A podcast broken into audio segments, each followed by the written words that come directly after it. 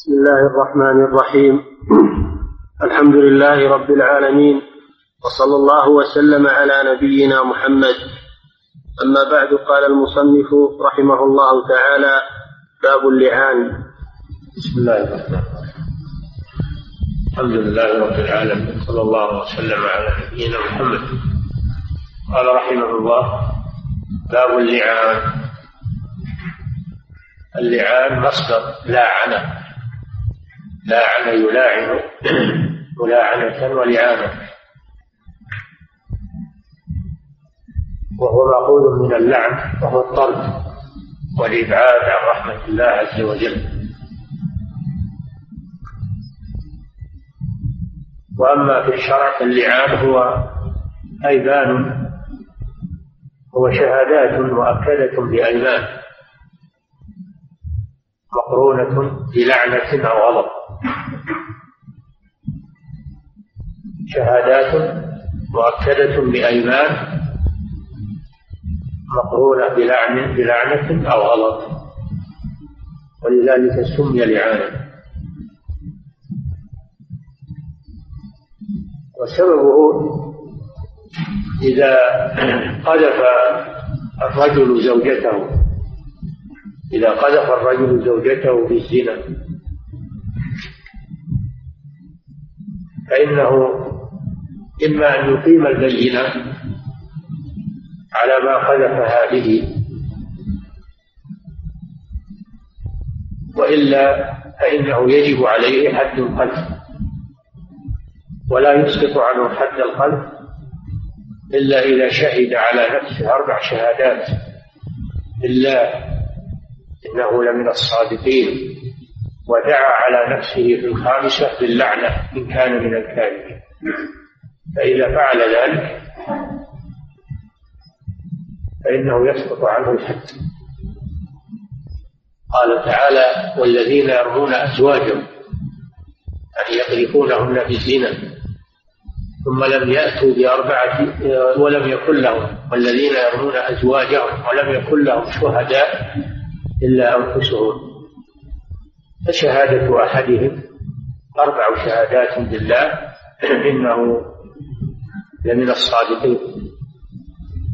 والخامسة أن لعنة الله عليه إن كان من الكاذبين. هذا يسقط عنه الحد. لأن الأصل في القذف وجوب الحد. إن لم يأتي القاذف ببين أربعة شهود يشهدون على صحة ما قذفها به قال تعالى والذين يرمون المحصنات ثم لم يأتوا بأربعة شهداء تجلدوهم ثمانين جلدة ولا تقبلوا لهم شهادة أبدا. أولئك هم الفاسقون. إلا الذين تابوا من بعد ذلك وأصلحوا. هذا إذا كان القذف لأجنبية أو لأجنبي. لكن إذا كان القذف من الزوج لزوجته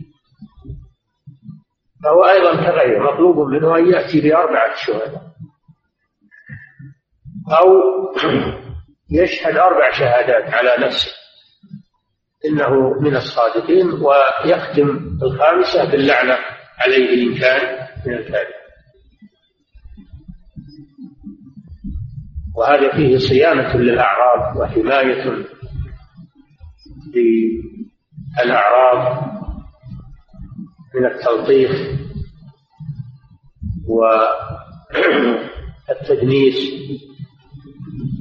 طلب للستر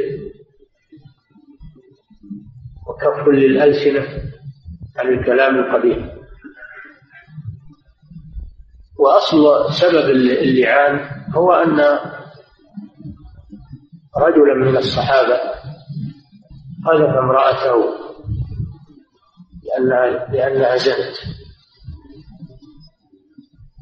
فأنزل الله هذه الآيات والذين يرمون أزواجهم ولم يكن لهم شهداء إلا أنفسهم من الآيات هذا هو سبب النزول. قد حصل هذا من صحابيين أحدهما هلال بن أمية. قذف امرأته والثاني عويمر. العجلان.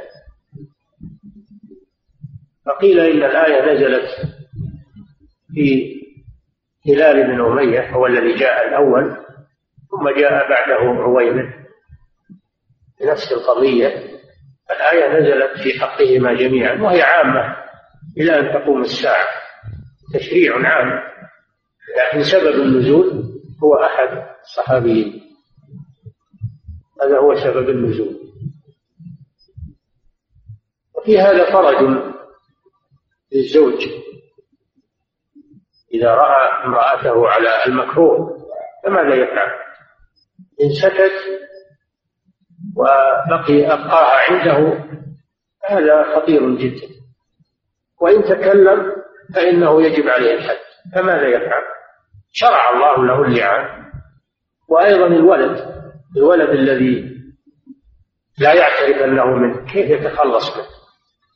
لا يتخلص منه إلا باللعان فهذا فيه فرج للزوج الذي يبتلى بمثل هذا. أولا أنه أولا أنه يسقط عنه حد القلب وثانيا أنه يحصل له نفي الولد الذي يرى أنه ليس منه. لأن الأصل أن الولد للفراش الأصل أن الولد للفراش ولا يتخلص منه إلا بهذا باللعان. فهذا تشريع حكيم من الله سبحانه. فيه صيانة للأعراض وفيه فرج للأزواج الذين يبتلون مثل هذا الشيء. نعم. عن ابن عمر رضي الله تعالى عنهما قال سأل فلان فقال يا رسول الله أرأيت أن لو وجد أحدنا امرأته على فاحشة كيف يصنع؟ إن تكلم تكلم بأمر عظيم وإن سكت سكت على مثل ذلك فلم يجبه فلما كان بعد ذلك أتاه فقال إن الذي سألتك عنه قد ابتليت به. فأنزل الله الآيات في سورة النور فتلاهن عليه ووعظه وذكره وأخبره أن عذاب الدنيا أهون من عذاب الآخرة. قال لا والذي بعثك بالحق ما كذبت عليها ثم دعاها فوعظها كذلك. قالت لا والذي بعثك بالحق إنه لكاذب فبدأ الرجل فشهد أربع شهادات بالله ثم ثنى بالمرأة ثم فرق بينهما. رواه مسلم. وعنه رضي الله هذا فيه بيان سبب نزول. هذه الآيات. حديث ابن عمر. أن رجلا سأل النبي صلى الله عليه وسلم قبل أن يحدث شيء. سؤال افتراضي. سؤال افتراضي. وهو قيل إنه عويمر العجلاني وقيل إنه هلال بن أمية وكلا الرجلين حصل لهما هذا. كلا الرجلين حصل لهما هذا فالآية نزلت فيهما جميعا وفي كل من حدث له مثل ذلك إلى يوم القيامة لو سأل النبي صلى الله عليه وسلم قال الرجل يرى امرأته على على الفاحشة ماذا يصنع؟ هذا سؤال افتراضي إن تكلم تكلم بأمر عظيم وهو القدر. وإن سكت سكت على مثل ذلك يعني على أمر عظيم. فماذا يصنع؟ سكت عنه النبي صلى الله عليه وسلم. ولم يجبه بشيء. فهذا فيه دليل على كراهة السؤال عن شيء لم يقع. السؤال عن شيء لم يقع. هذا مكروه. وذلك لأن الله سبحانه وتعالى يكره لعباده كثرة السؤال كره لكم قيل وقال وكثرة السؤال قال تعالى يا أيها الذين آمنوا لا تسألوا عن أشياء إن تبد لكم تسوكم إن تسألوا عنها حين ينزل القرآن تبد لكم عفى الله عنها الله غفور حليم. قد سألها قوم من قبلكم فأصبحوا بها كافرين. وفي الحديث إن أشد الناس جرما من سأل عن شيء لم يحرم فحرم من أجل مسألته الله جل وعلا سكت عن أشياء كما قال النبي صلى الله عليه وسلم. سكت عن أشياء رحمة بنا من غير نسيان. قال فلا تسألوا عنها. الإنسان لا يسأل إلا إذا حصل له شيء. قبل أن يحصل شيء لا تسأل. وقد تبتلى. هذا الرجل لما سأل ابتلي. قال يا رسول الله وقعت بالذي سألتك عنه. هذا فيه دليل على أنه لا ينبغي السؤال عن الشيء المكروه قبل أن يقع. لا يسأل عن الشيء المكروه قبل أن يقع. أما إذا وقع فلا بد من السؤال. ولذلك لم يجبه الرسول صلى الله عليه وسلم. فلما وقع له هذا الشيء وجاء إلى النبي صلى الله عليه وسلم.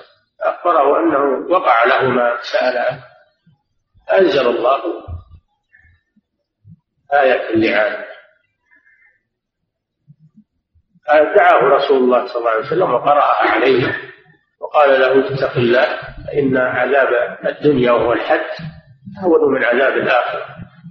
المذكور في قوله تعالى والذين يرمون المحصنات وإن إن الذين يرمون المحصنات الغافلات المؤمنات لعنوا في الدنيا والآخرة ولهم عذاب عظيم وتشهد عليهم ألسنتهم وأيديهم وأرجلهم بما كانوا يعملون. يومئذ يوفيهم الله دينهم الحق. ويعلمون أن الله هو الحق المبين. هذا وعيد شديد للقاذف فهو بين أمرين إما أن يقام عليه الحد في الدنيا حد القذف هذا عذاب في الدنيا أو يحل به العذاب في الآخرة. عذاب الدنيا أهون أهون من عذاب الآخرة. فقال لا والله يا رسول الله ما كذبت عليها ثم دعاها فقالت لا والله يا رسول الله لقد كذب علي فشهد الرجل على نفسه أربع شهادات بالله إنه لمن الصادقين والخامسة أن لعنة الله عليه إن كان من الكاذبين. ثم ثنى بالمرأة فشهدت أربع شهادات بالله إنه لمن الكاذبين. والخامسة أن غضب الله عليها إن كان من الصادقين. ففرق بينهما رسول الله صلى الله عليه وسلم. وما الحكمة في كون الرجل يختم بلعنة الله والمرأة تختم بغضب الله؟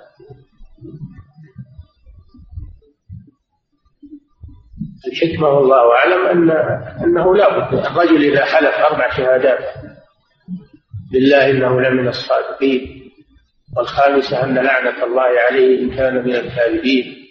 فإن التهمة تتوجه إلى المرأة أكثر. تتوجه إلى المرأة أكثر. وهي أقرب إلى الكذب. والغضب أشد من اللعنة الغضب أشد من اللعنة فلذلك تغلظ الوعيد عليها بالغضب. وهو أشد من اللعنة لأن الغضب لا يكون إلا مع الجحود بعد العلم. ولهذا اليهود مغضوب عليهم لأنهم جحدوا بعد العلم والعياذ بالله. الغضب يكون على من جحد مع العلم. لما كانت المرأة مظنة أنها جحدت مع العلم استحقت غضب الله سبحانه وتعالى. دل هذا الحديث على مسائل. المسألة الأولى بيان سبب نزول آية النور. الذين يرمون أزواجهم. وأنها نزلت في قصة هلال بن أمية وعويمر العجلاني لما كل منهما قذف امرأته بالزنا المسألة الثانية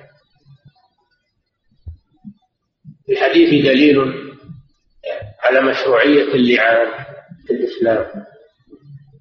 على مشروعية اللعان في الإسلام إذا حصل مثل هذه الواقعة. وفي الحديث دليل على كمال هذه الشريعة. الغراء التي ما تركت شيئا يحتاج إليه المسلمون إلا وبينت حكمه. منه هذا هذه المسألة العظيمة وهي ما يحصل بين الزوجين. هذه المعضلة العظيمة. فجعل الله منها فرجا ومخرجا هذا التشريع الحكيم. المسألة الثالثة فيه أنه يبدأ بالرجل لأنه المدعي. يبدأ بالرجل لأنه المدعي. فيشهد أربع شهادات.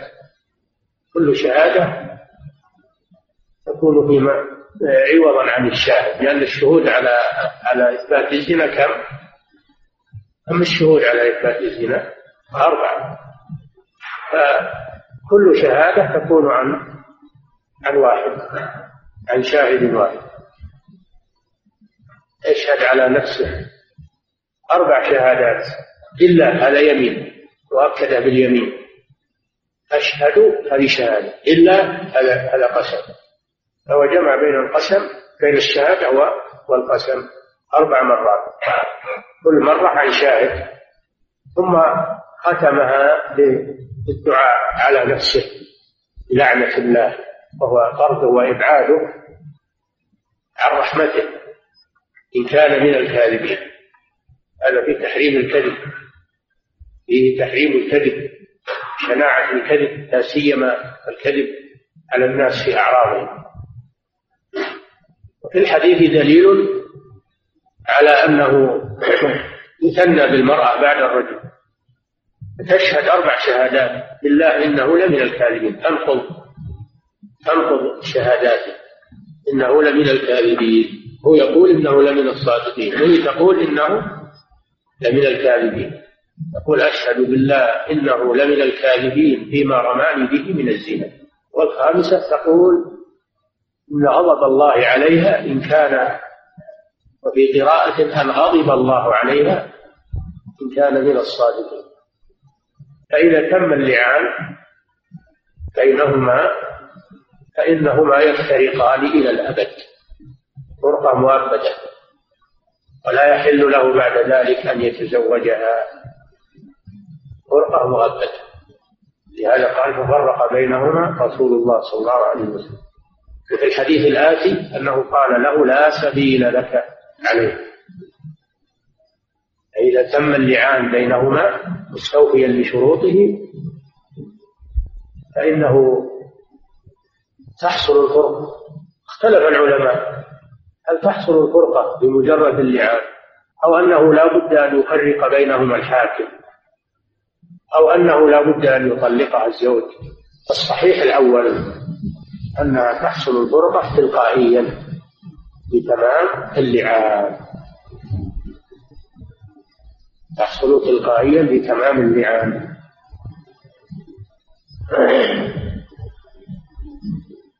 نعم. وفي وفي الحديث أيضا المسألة الرابعة أن الحاكم يخوف الزوجين بالله ويعظهما ويقول لهما عذاب الدنيا وهو الحج أهون من عذاب الآخرة. ويخوفهما وأيضا يؤدي الشهادات وهي تؤدي الشهادات عن قيام ما هو عن قعود وهي قائمة وهو قائم في محور من الناس.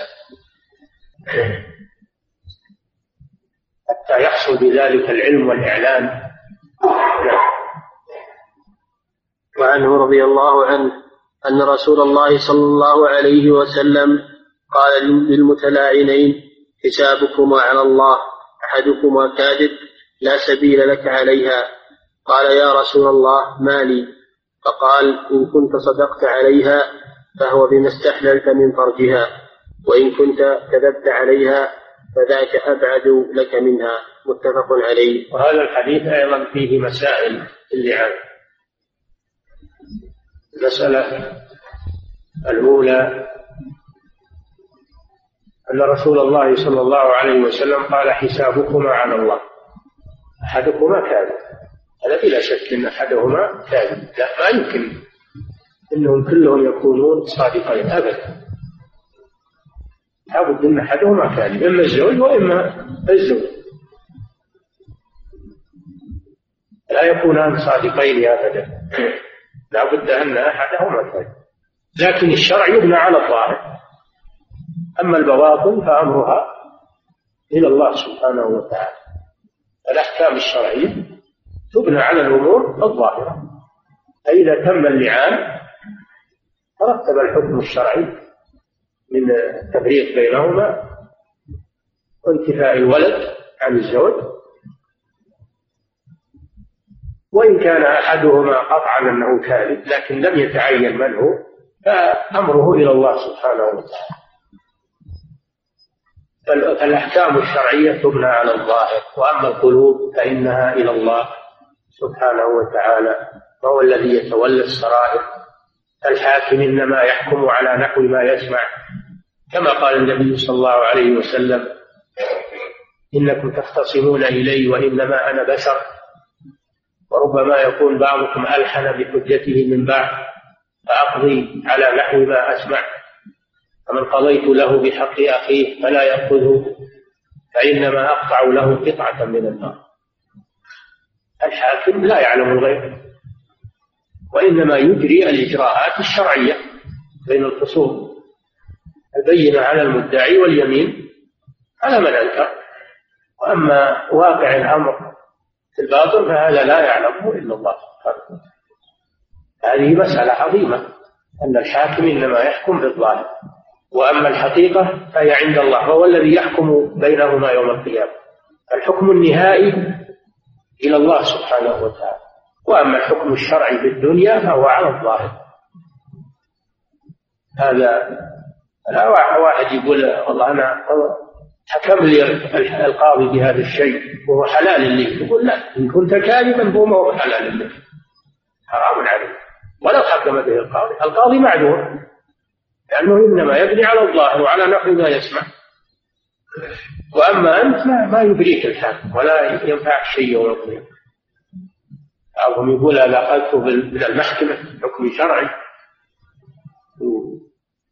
ويأكله. إن كان كاذبا فهو حرام عليه وسلم وقطعة من النار كما قال النبي صلى الله عليه وسلم. قد يحلف وهو كاذب. النبي صلى الله عليه وسلم يقول من حلف على يمين صبر ليقتطع بها مال امرئ مسلم لقي الله وهو عليه غضبان. قالوا يا رسول الله وإن كان شيئا يسيرا؟ قال وإن كان قريبا من أراك. الأمور صعبة يعني سهلة فعلى الخصوم أن يتقوا الله وأن يصدقوا وإذا كان الإنسان ما عنده صدق في دعواه فإنه لا يقدم عليها. فكيف إذا كان مزورا والعياذ بالله ومتعمدا للكذب والتزوير؟ أمر أشد إذا المسألة مسألة خصومة في الدنيا وتنتهي. مسألة الأحكام تعاد يوم القيامة. تعاد الأحكام يوم القيامة ويحكم بها أحكم الحاكمين الذي يعلم السر وأخفى وينصف المظلومين من الظلمات وإن كانوا أخذوه في الدنيا بحكم شرعي. أحدكما حسابكما على الله. أحدكما كان. هذا فيه بيان أن الشارع إنما أن أحكام الشرع إنما على الأمور الظاهرة. وأما الأمور الباطنة فحسابها على الله سبحانه وتعالى. فقال الرجل مالك يعني الصداق قال له لا سبيل لك عليها لا سبيل لك عليها. هذا فيه مسألة ثانية وهي أنه إذا تم اللعان فإنه يحصل الفراق ولا يكون للزوج سبيل سبيل عن الزوجة. وليس فيها رجعة وليس فيها عقد ثاني ولو تزوجها آخر ما تحل أبدا. فرقة مؤبدة. لا سبيل لك عليها. هذا فيها أن الفرقة تحصل بمجرد بمجرد انتهاء اللعان مستوفيا لشروطه المسألة الثالثة أنه أن الزوج لا يستحق الرجوع بالصداق على زوجته التي لا عن منها وفرق بينه وبينها. لا يستحق عليه الصداق لأن الرجل قال للرسول صلى الله عليه وسلم مالي يعني الصداق الذي دفعته إليها. قال إن كنت صادقا فهو بما استحللت من فرجه لأن الصداق بعد الدخول يتقرر للزوج. بعد الدخول يتقرر للزوج فهو بما استحللت من فرجها وإن كذبت وإن كنت كاذبا عليها فهو فهذا أبعد. يعني تجمع بين الكذب وأخذ الصداق هذا ما هو ممكن أبدا. هو ما هو ممكن. الرجوع بالصداق ما هو ممكن سواء كان صادقا أو كاذبا. إن كان صادقا فهو بما استحل بالباطل وإن كان كاذبا فلا يستحق الرجوع به من باب أولى. باب أولى ولهذا قال أبعد. وعن أنس رضي الله عنه أن النبي صلى الله عليه وسلم قال أبصروها فإن جاءت به أبيض صفا فهو لزوجها وإن جاءت به أكحل جعدا فهو للذي رماها به. متفق عليه. هذا في قضية الولد بين المتلاعبين. الولد إذا نفاه الزوج باللعان صراحة أو ضمنا يعني يقول وهذا الولد ليس مني هذا الحمل قال هذا الحمل ليس مني أو هذا الولد ليس مني. فإنه ينتهي ينتهي باللعان ويكون ابنا للزوجة يكون ابنا للزوجة ويلحق بها يرثها وترثه ويرثه من بعدها عصبة الأم. عصبته يكونون عصبة أمه. فينتهي الولد باللعان إذا ذكر صراحة أو تضمنا ويكون ابنا للزوجة التي ولدته ويلحق بها. وهذا من فوائد اللعان أن الزوج يتخلص من الولد الذي ليس منه. لأن الأصل أن الولد للفراش ولا يستثنى من هذا إلا قضية اللعان خصص لقوله صلى الله عليه وسلم الولد للفراش النبي صلى الله عليه وسلم ذكر علامات تبين أنه من من الزوج أو من أو من غيره. فقال إن جاءت به أبيض سبقا أو سبقا فهو للزوج. أبيض هذا معروف يعني لونه لون البياض. وسبقا يعني طويلا. سبقا يعني طويلا في جسمه. فهو للزوج لأن هذا شبه الزوج.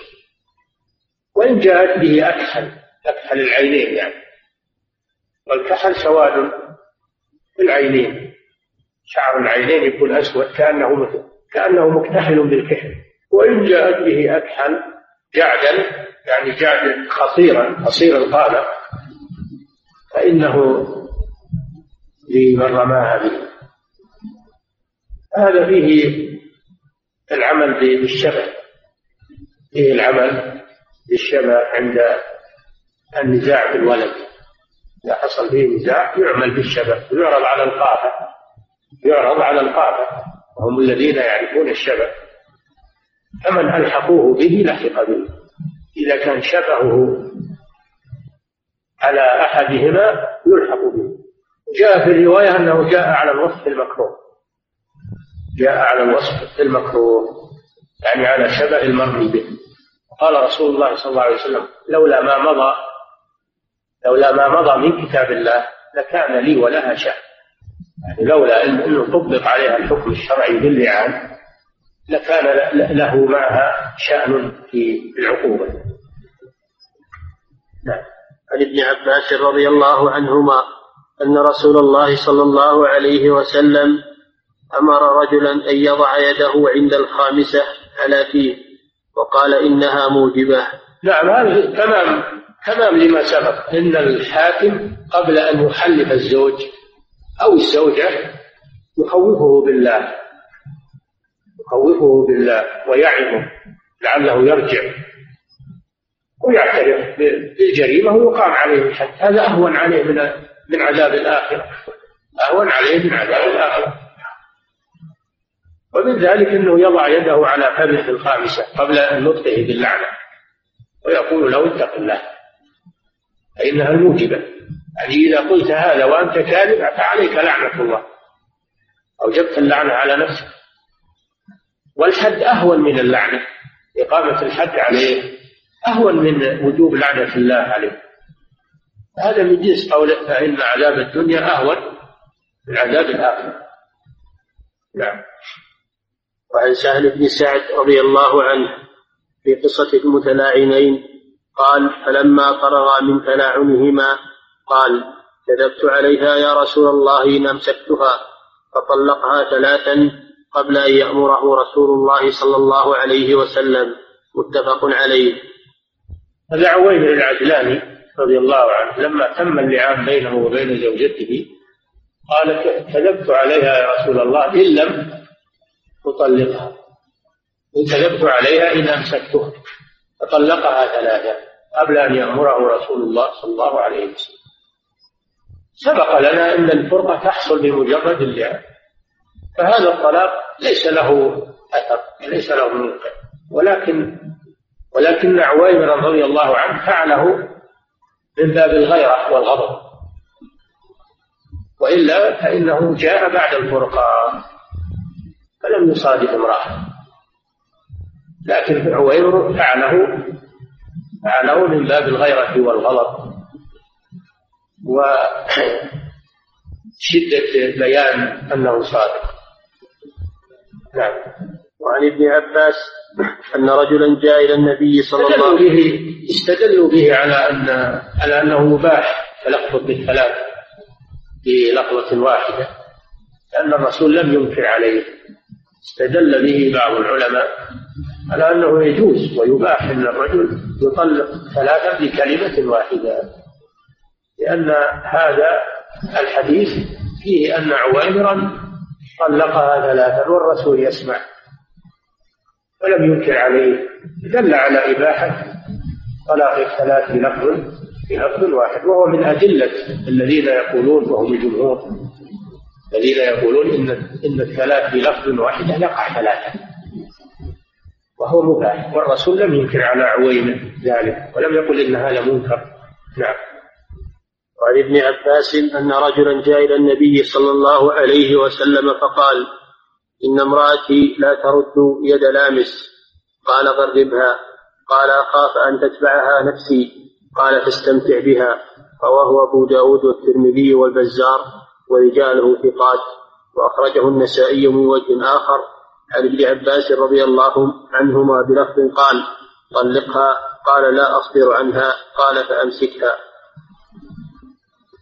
هذا الحديث فيه أن رجلا جاء إلى النبي صلى الله عليه وسلم وقال إن امرأتي لا ترد يد لامس. اختلف العلماء في تفسير هذه لا ترد يد لامس. قال بعضهم إنها تزني لا ترد يد لامس إنها تزني وهذا بعيد جدا لأن هذا قدر هذا قدر فلا يجوز القدر ولو كان قذفا لأقام النبي صلى الله عليه وسلم الحد عليه أو أقام اللعان بينهما.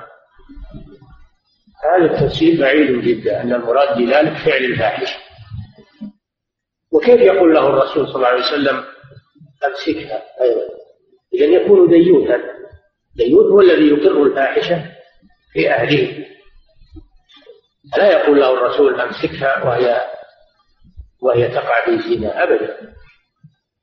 فدل على أن تفسيره تفسير لا ترد يد لامس بفعل الفاحشة أنه غير صحيح أنه بعيد كل الظن التفسير الثاني قالوا إن معناها أنها لا ترد يد لامس إنها تبذر المال. كل من سألها أعطته من مالها أو من مال زوجها. هي مبذرة مسرفة في المال. وهذا تفسير أيضا بعيد. هذا تفسير بعيد.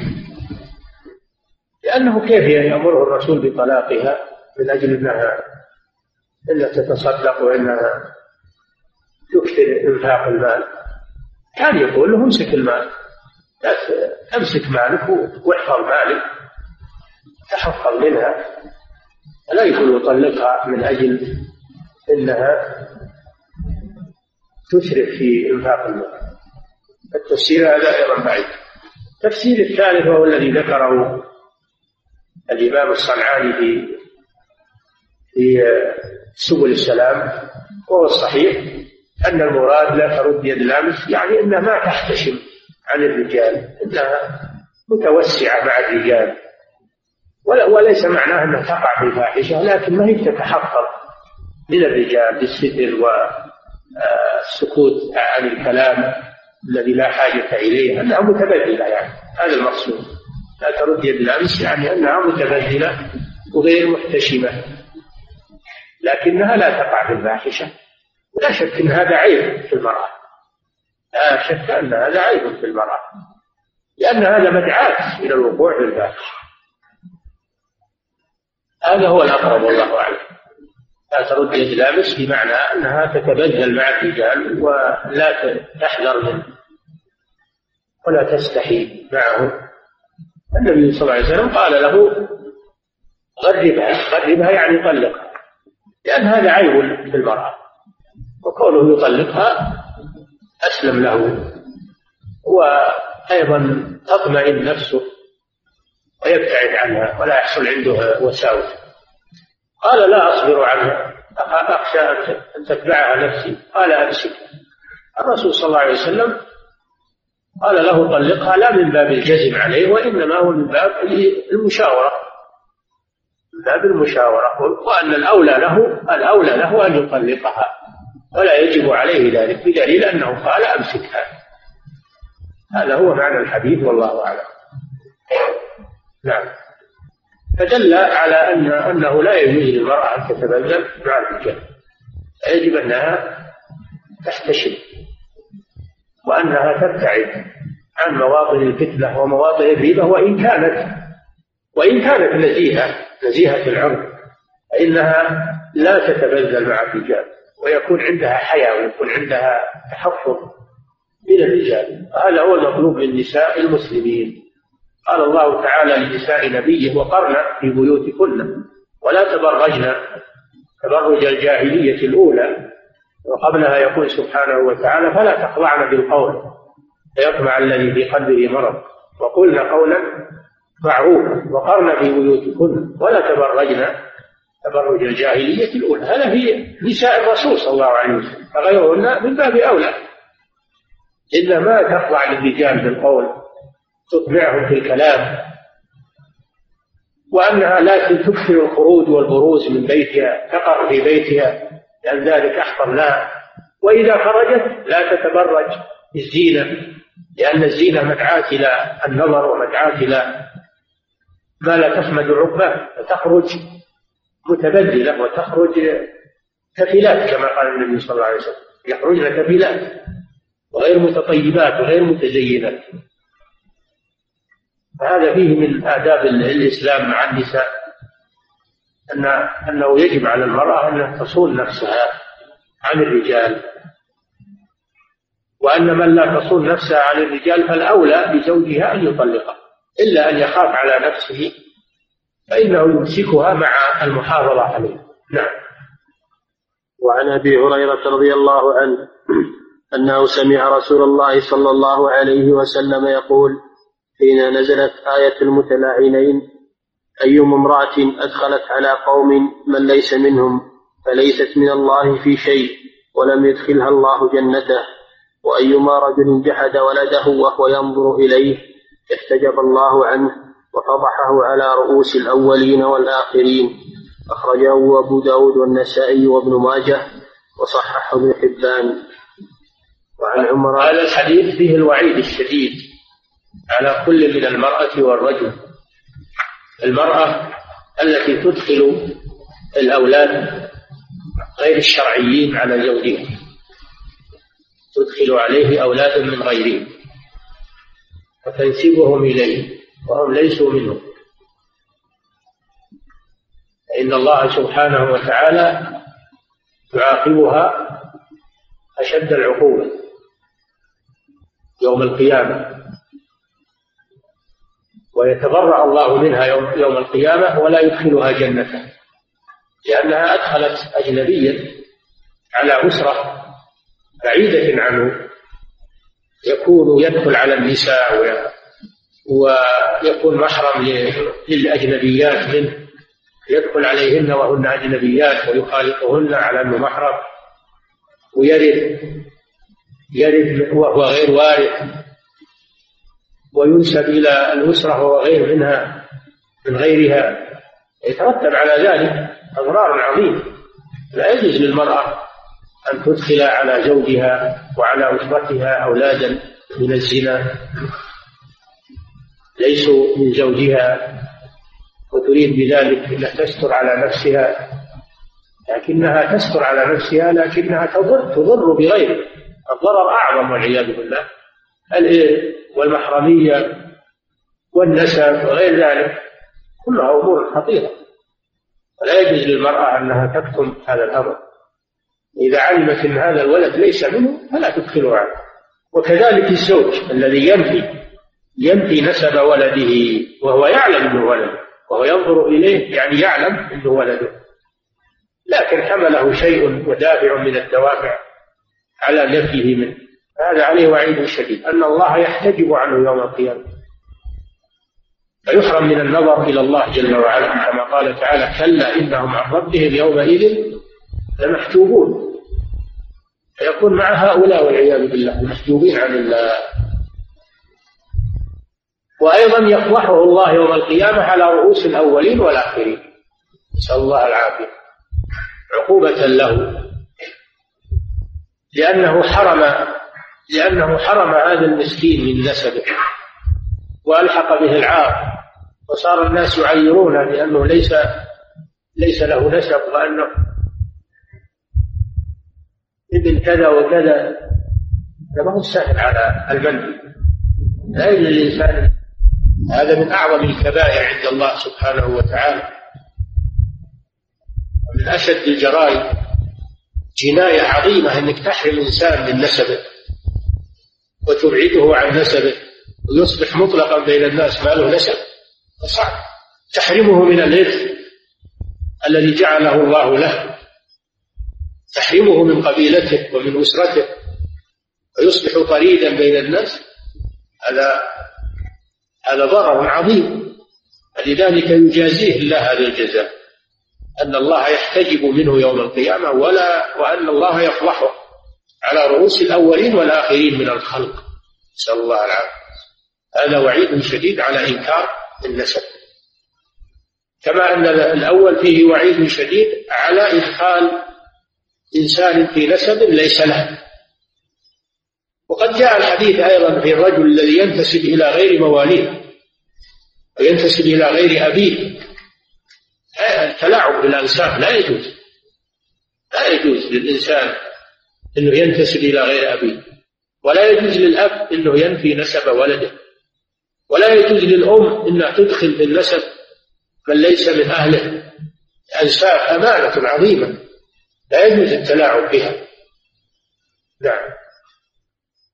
وعن عمر رضي الله عنه قال من أقر بولده طرفة عين فليس له أن ينفيه. أخرجه البيهقي وهو حسن موقوف. وعن أبي هذا إذا اعترف الإنسان بنسب شخص أنه ابنه ولو لحظة يعني ولو زمن يسير ثم أراد أن ينكره بعد ذلك فإنه لا يقبل. ثبت نسبه ولا يجوز نفيه. لأنه لا عذر لمن أقر. فإذا أقر بنسبه ولو لحظة ثم أنكره بعد ذلك لا يسمع إنكاره. فالنسب يثبت بالفراش ويثبت أيضا بالإقرار. يثبت بالفراش الولد للفراش. ويثبت أيضا بالإقرار. فمن اعترف بنسب شخص مجهول النسب يعني مجهول أما إذا كان معروف النسب لا. لكن إذا كان مجهول النسب واعترف هو أن هذا ابنه فإنه يلحق به. وإن أراد أن يتخلص منه بعد ذلك لم يقبل منه. لأن الأنساب ما هي سهلة. تلاعب بها. نعم. وعن أبي هريرة رضي الله عنه أن رجلا قال يا رسول الله إن امرأتي ولدت غلاما أسود. قال هل لك من إبل؟ قال نعم. قال فما ألوانها؟ قال حمر. قال هل فيها من أورق؟ قال نعم. قال فأنى ذلك قال لعله نزعه عرق.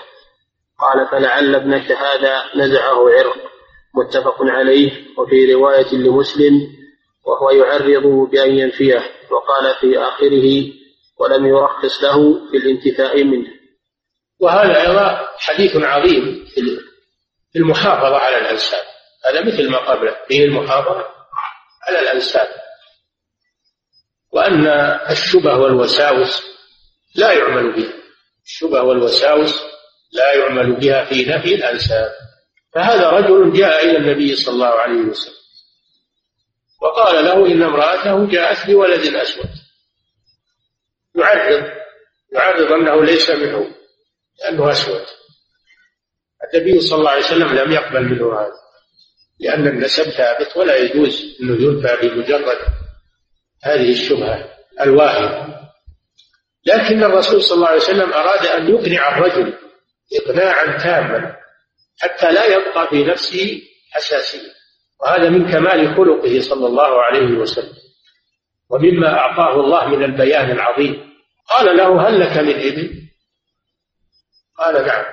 قال ما لونها؟ قال حمر. قال هل فيها من أورق؟ الأورق هو هو الأسود غير الخالص. أسود غير خالص. يعني هل فيها ما لونه مخالف للون الإبل؟ قال نعم فيها فيها أورق. قال ما ما السبب في هذا؟ صار أورق والإبل كلها حمر. قال لعله نزعه عرق يعني من أجداده لعله نزعه عرق من أجداده فصار أورق. فقال له النبي صلى الله عليه وسلم ولعل ابنك هذا نزعه عرق يعني من أجداده. هذا السواد ربما يكون في أجداده. وسرى إلى هذا الإبل. هذا فيه الوراثة فيه إثبات الوراثة. وأن أن الألوان قد تسري في الذراري وكذلك الصفات تسري في الذراري وكذلك الطبائع تسري في الذراري. ولو كانت من أجداد بعيدين. فهذا فيه أنه لا يعمل بالشكوك والشبهات في نفي النسب وأن النسب شيء ثابت لا ينفى إلا بطريق واضح مثل ما سبق في اللعان وغير ذلك من الأمور اليقينية. نعم. باب العدة والإحداد والاستبراء وغير ذلك. نعم. فضيلة الشيخ ما الحكمة من دعوة النبي صلى الله عليه وسلم لإبصار الولد وشبهه؟ ما دام أنه لم يرتب على الشبه حكم شرعي مع أنه جاء على الوصف المكروه. حكمة والله أعلم معرفة صدق الرجل وإبراء الرجل الذي لاعب وهو الصدق رضي الله عنه. نعم. فضيلة الشيخ في درس السبت في قرة عيون الموحدين في شرح حديث اجتنبوا السبع الموبقات. ذكرتم حفظكم الله أن قذف من عرف عنه الفسق أو الزنا أنه لا مانع. فهل يدخل في هذا قذف الراقصات والممثلات؟ أنت عرفت أنه زانيات مجرد الرقص والغنى ما إذا عرفت أنه زاني ثبت لديك هذا وإلا أحفظ لسانك نعم. فضيلة الشيخ إلا من عرف. وهل عرفت زاني نعم. فضيلة الشيخ كيف يكون نفي الولد ضمنا؟ نعم. ضمن ضمن ضمن الشهادة يعني تضمنته الشهادة. إنها يقول مثلا إني لم لم أقربها من زمن وانني لم أقربها من زمن بعيد. إن هذا الولد لأن هذا الحمل ليس مني. أو يقول وانني لم أقربها من زمن بعيد. هذا تعريف بأن الولد ليس منه نعم. فضيلة الشيخ كيف الطلاق ثلاثا بلفظ واحد؟ هل هو بقوله طالق طالق طالق؟ لا لا. طلاق بلفظ واحد يقول هي طالق بالثلاث. هي طالق بالثلاث. هذا ثلاث بلفظ واحد. أما طالق طالق طالق هذا طلاق بثلاث كلمات متفرقات. نعم. فضيلة الشيخ أرأيت إذا رأى الرجل بنفسه زوجته على الزنا ولم يستطع أن يقيم البينة هل يجوز البقاء البقاء معها؟ وهو يعلم في قرارة نفسه أنها زنت. وبين أمرين إما أنه إما أنه يقيم الدعوة عليها عند الحاكم ويقام اللعان بينهما كما فعل النبي صلى الله عليه وسلم أو يطلقها طلقها ويستريح. الله جعل الطلاق مخرج يطلقها ويستريح. خليها تروح لكن إن كان إذا طلقها يخشى أنه يلحق به الولد هو يعمل اللعان من أجل البراءة من الولد.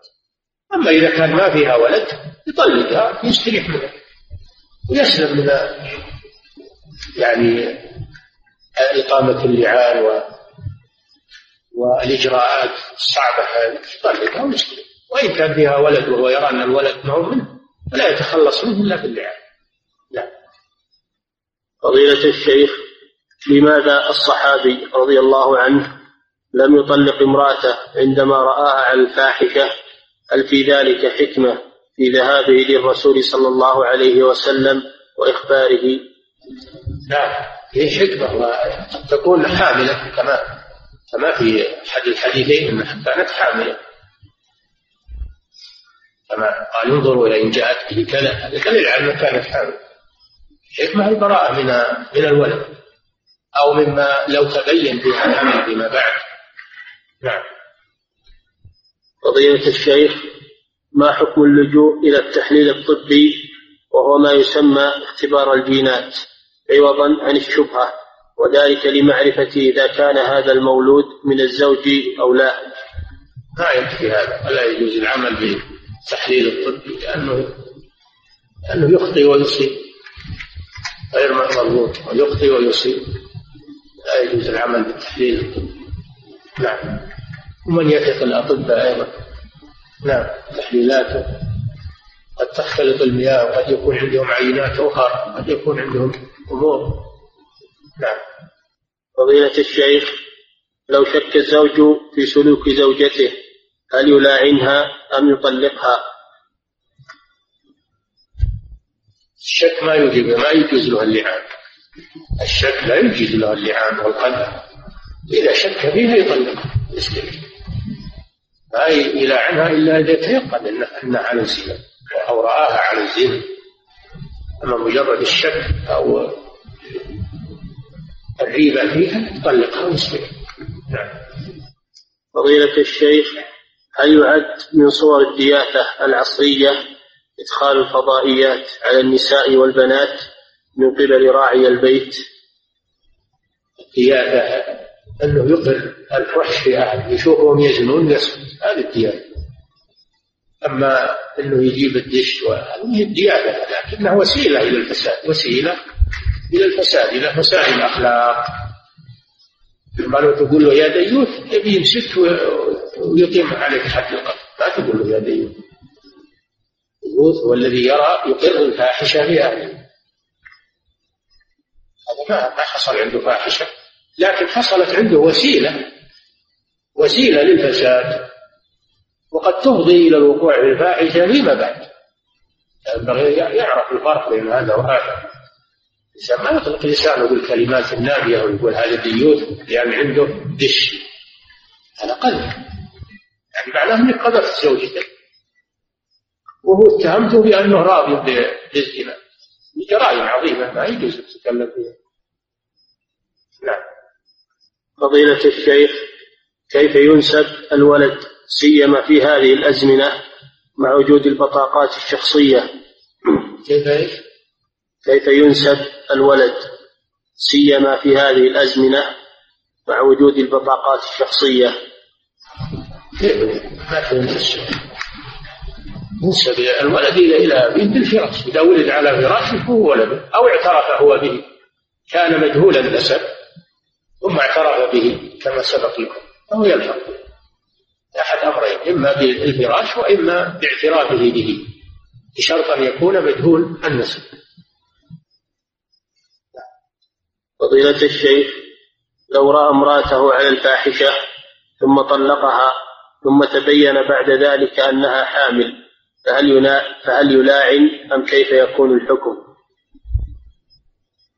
إذا ما ظهر الحمل إلا بعد ما طلقها ما يلحق ما صارت فراشا له إذا طلقها خرجت عن فراشه. ولا ظهر الحمل إلا بعدما غادرت الفراش. نعم. أما لو طلقها وهي حامل ويتبع الولد ولا ينتفي إلا باللعان. نعم. فضيلة الشيخ هل اللعان يكون من الزوجة لزوجها؟ نعم هل اللعان يكون من الزوجة لزوجها؟ أو ممكن هذا. شلون من الزوجة؟ تقول ان زوجها زنى بامرأة اللعان يكون من الزوج لزوجها. نعم. فضيلة الشيخ كيف نجمع بين حديث أنس أبصروها فإن جاءت به أبيض سبطا وحديث الرجل الذي شك في أهله فقاله الرسول صلى الله عليه وسلم لعله نزعه عرق. يا أخي الفرق واضح. هذا مجرد شك. لعله نزعه عرق. هذا مجرد شك ووسوسة أما قضية المرأة هذه ثبت عليها. اللعان هذا. قال إن أحدكما كان ما في شيء إن أحدكما لكاذب. حسابكما على الله. فلا بد أن أحدهما كاذب. ويترجح أن المرأة هي الكاذبة. فلذلك النبي صلى الله عليه وسلم أمر بالنظر إلى الولد لأنه يترجح أن المرأة هي الكاذبة. نعم. فضيلة ولكن درى عنها الحد اللعان ويدرأ ويدرأ عنها العذاب. والحد نعم. فضيلة الشيخ حكم القافة هل هو بينة أم قرينة؟ لا قرينة. القافة قرينة من القرائن. نعم. وهو بينة فضيلة الشيخ سبق وأن أفتيتم بعدم جواز أخذ علب المناديل من محطات البنزين. وسؤالي ما حكم من أعطي منديلا ولم يقصد ذلك؟ بل هو محتاج إلى البنزين وكانت هذه المحطة في طريقه. هذا مسألة الجوائز مجرد أخذ المناديل؟ جوائز يجعلون جوائز لمن يعدي منهم يعطونه جائزة.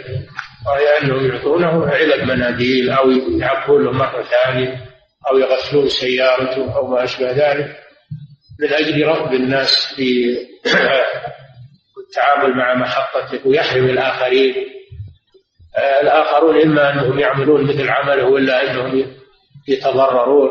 فمن أجل التضرر صار هذا يحرم الإضرار بالمسلمين لا ضرر ولا ضرار. لا ضرر ولا ضرار. أما إذا أخذ منديل أو أخذ علبة وسمح له به صاحب المحطة. فلا معنى من ذلك. على أنه ما هي جائزة لكن عطية. على أنه أعطاه إياه عطية. ما بأس. نعم. فضيلة الشيخ ما حكم قول سبحان ربي الأعلى وبحمده في السجود؟ لا بأس بذلك. يقول سبحان ربي الأعلى وبحمده في السجود ويقول في الركوع أيضا. نعم. فضيلة الشيخ من أراد السفر وذهب إلى مطار الملك خالد فهل له أن يجمع بين الصلاتين ويقصرهما. مطار الملك خالد وغيره. إذا كان المطار خارج البلد خارج بنيان البلد فإنه إذا وجبت عليه الصلاة في المطار يقصر ويجمع لأنه خرج من البلد. أما إذا كانت الصلاة وجبت عليه قبل أن يخرج من البلد إنه يصليها تامة أنها وجبت عليه قبل أن يخرج وكذلك إذا كان المطار داخل البلد داخل محيط البلد وداخل البنيان فإنه أيضا يتم الصلاة ولا يجمع ولا يصل لأنه لا زال في البلد. لم يسافر نعم. فضيلة الشيخ أما مطار الملك خالد ليظهر لي الله أعلم أنه خارج البلد. بينه وبين البلد مسافة وشك خارج البلد. نعم. فضيلة الشيخ قول القائل البلاء موكل بالمنطق.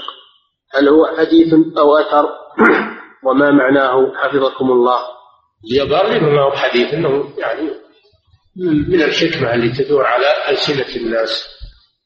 البلاء موكل بالمنطق يعني أن الإنسان ما يتكلم شيء مكروه لئلا يبتلى به. مثل ما وقع لهذا الصحابي الذي جاء إلى الرسول وقال لو وجد مع امرأته كذا وكذا ثم ابتلي بها. فالإنسان يتجنب اللفظ المكروه لئلا يبتلى به ما فيها الله. نعم. فضيلة الشيخ لو كان الإنسان في سفر وجمع بين صلاتي الظهر والعصر جمع تقديم ثم دخل بلده قبل صلاة العصر فهل يعيدها أم يكتفي بجمعها مع الظهر؟ يكتفي ما دام صلاها بالطريق قبل أن يصل إلى البلد فإنها تكفي ولا يعيدها إذا وصل إلى البلد. نعم فضيلة الشيخ أرملة تسكن مع والدها ولها أيتام فهل تجوز في حقهم الزكاة مع أن الذي ينفق عليهم والد الأرملة؟ إذا كان فيه من ينفق عليهم مقايم بنفقتهم فلا تحل لهم الزكاة. لأنه قد كفاهم هذا الذي ينفق عليهم. إنما الزكاة لمن ليس عنده نفقة ولا أحد ينفق عليهم ليس عنده نفقة تكفيه ولا يقوم أحد بالإنفاق عليه. هذا هو الذي تحل له الزكاة. نعم. فضيلة الشيخ تعلمون حفظكم الله خطر الغيبة وعظيم إثمها فما هي كفارتها وهل يلزمني التحلل ممن اغتبته أم يكفي أن أستغفر له وأدعو له؟ ذكر العلماء أنه لا بد من أنه يتحلل منه لأن هذا حق لمخلوق ولا يسقط عنه إلا بسماحه به يتحلل منه. إلا إذا خشي أنه إذا تحلل منه يلزم مفسدة أكبر كأن يغضب عليه أو أنه ما يسمح له أو فإنه يكفي أنه يدعو له ويستغفر له ويثني عليه في المجالس التي ارتابه فيها. نعم فضيلة الشيخ إذا طلب الرجل من زوجته أن ترحل معه إلى بلد له فيه سبيل عيش ولكنها رفضت ذلك والرجل يتضرر من بقائه دون الرحيل فهل يجب عليه الطلاق وجوبا يأثم بتركه؟ لا لا يطلق إن كان شرط عليها إن شرطا عليها بالعقد أنها تسافر معه هو يلزمها السفر معه شرعا إن كان ما شرط عليها بالعقد ما يلزمها ذلك. ولا ولا يطلق يتركها ويسافر يطلب الرزق ويرجع إليها. ولا يطلق يعني فضيلة الشيخ امرأة عند آخر يوم من الدورة الشهرية رأت الطهر عند منتصف الليل وبيتت النية من الليل. إذا لم ترجع لها الدورة فسوف تصوم لأنه, لأنه أحيانا ترجع لها الدورة. وبعد طلوع الشمس استيقظت ولم ترى أثرا للدم فاغتسلت وصلت الفجر وأكملت الصوم. فهل صيام هذا اليوم صحيح؟ لا هذا نية معلقة. هذه نية معلقة هي مجزومة الصوم الواجب لابد تكون النية مجزومة. يعني تقول إنسان إني أصبحت والحيض منقطع فأنا بصوم إنسان ما انقطع أنا هذا ما ما هي بنية جازمة. مثل قوله إن كان غدا من رمضان فهو فرض وإن لم يكن من رمضان فهو لم يقولون هذا ما يجزيه عن رمضان. لو أصبح أنه من رمضان ما يجزيه لأن النية ما هي مجزومة. نعم. فضيلة الشيخ امرأة ذهبت من الرياض لأداء العمرة وقامت برش طيب في حقيبة الملابس مما كان له أثر في تلك الملابس وعند وصولها إلى الميقات وقبل الدخول في النسك وضعت شيئا من الطيب على بدنها هل عمرتها صحيحة أم عليها شيء؟ العمرة صحيحة. والطيب هذا محظور محظور من محظورات الإحرام. إذا كانت جاهلة بالحكم فليس عليها أو ناسية تطيبت ناسية أو تطيبت جاهلة بالحكم فليس عليها شيء. أما إن كانت تعلم أن الطيب لا يجوز للمحرم وتطيبت يكون عليها فدية والفدية على التخيير إما أن تصوم ثلاثة أيام وإما أن تطعم ستة مساكين في الحرم وإما أن تذبح شاة في الحرم وتوزعها على الفقراء يسمونها فدية الأذى. نعم. فضيلة الشيخ إنزال المني بالاختيار هل هو من الكفر بالله وما كفارته؟ كفر بالله؟ نعم. يعني قصد الاستمناء باليد. نعم. هذا هذا محرم. هذا محرم وليس هو من الكفر. هو معصية. هذا معصية من المعاصي. وليس هو من الكفر.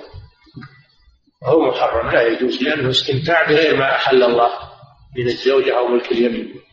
الله تعالى يقول إلا على أزواجهم أو ما ملكت أيمانهم فإنهم غير ملومين. فمن ابتغى وراء ذلك يدخل فيه الاستمناء بذلك فأولئك هم العادون يعني المعتدون على حرمات الله عز وجل.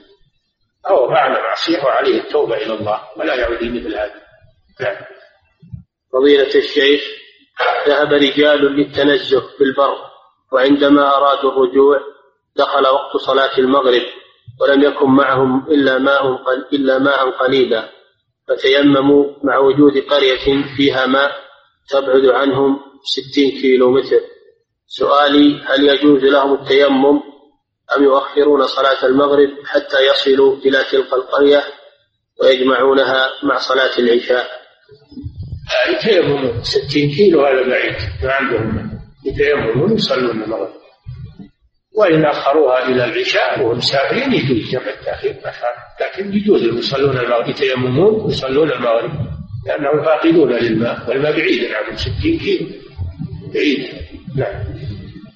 فضيلة الشيخ ما حكم تكفير شخص بعينه إذا استهزأ بشيء من القرآن أو بالرسول صلى الله عليه وسلم أو بالدين فهل يكفر مباشرة؟ يقال له ذلك ويحق ويحق لكل أحد أن يقول فلان كافر.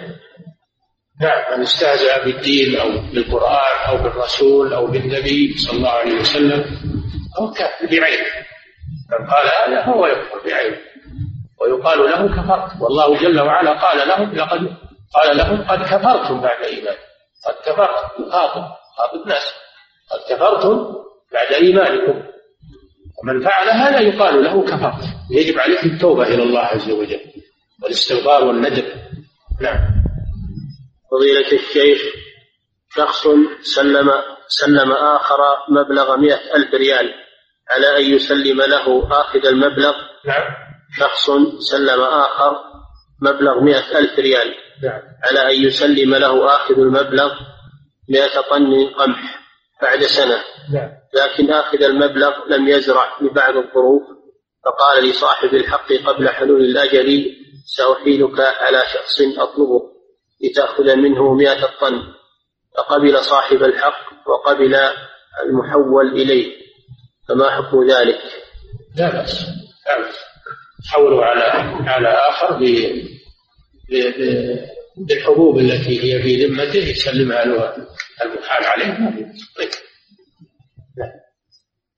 الشيخ رجل توفي وبعد وفاته اتصل المحامي بأولاده ليخبرهم أن أباهم كان رف- رفع قضية على صاحب نعم. سيارة نعم رجل توفي طيب. وبعد وفاته اتصل المحامي بأولاده ليخبرهم أن أباهم كان رفع قضية على صاحب سيارة أصابه حادث وأن شركة التأمين صرفت لهم مبلغ مبلغ كبير من المال.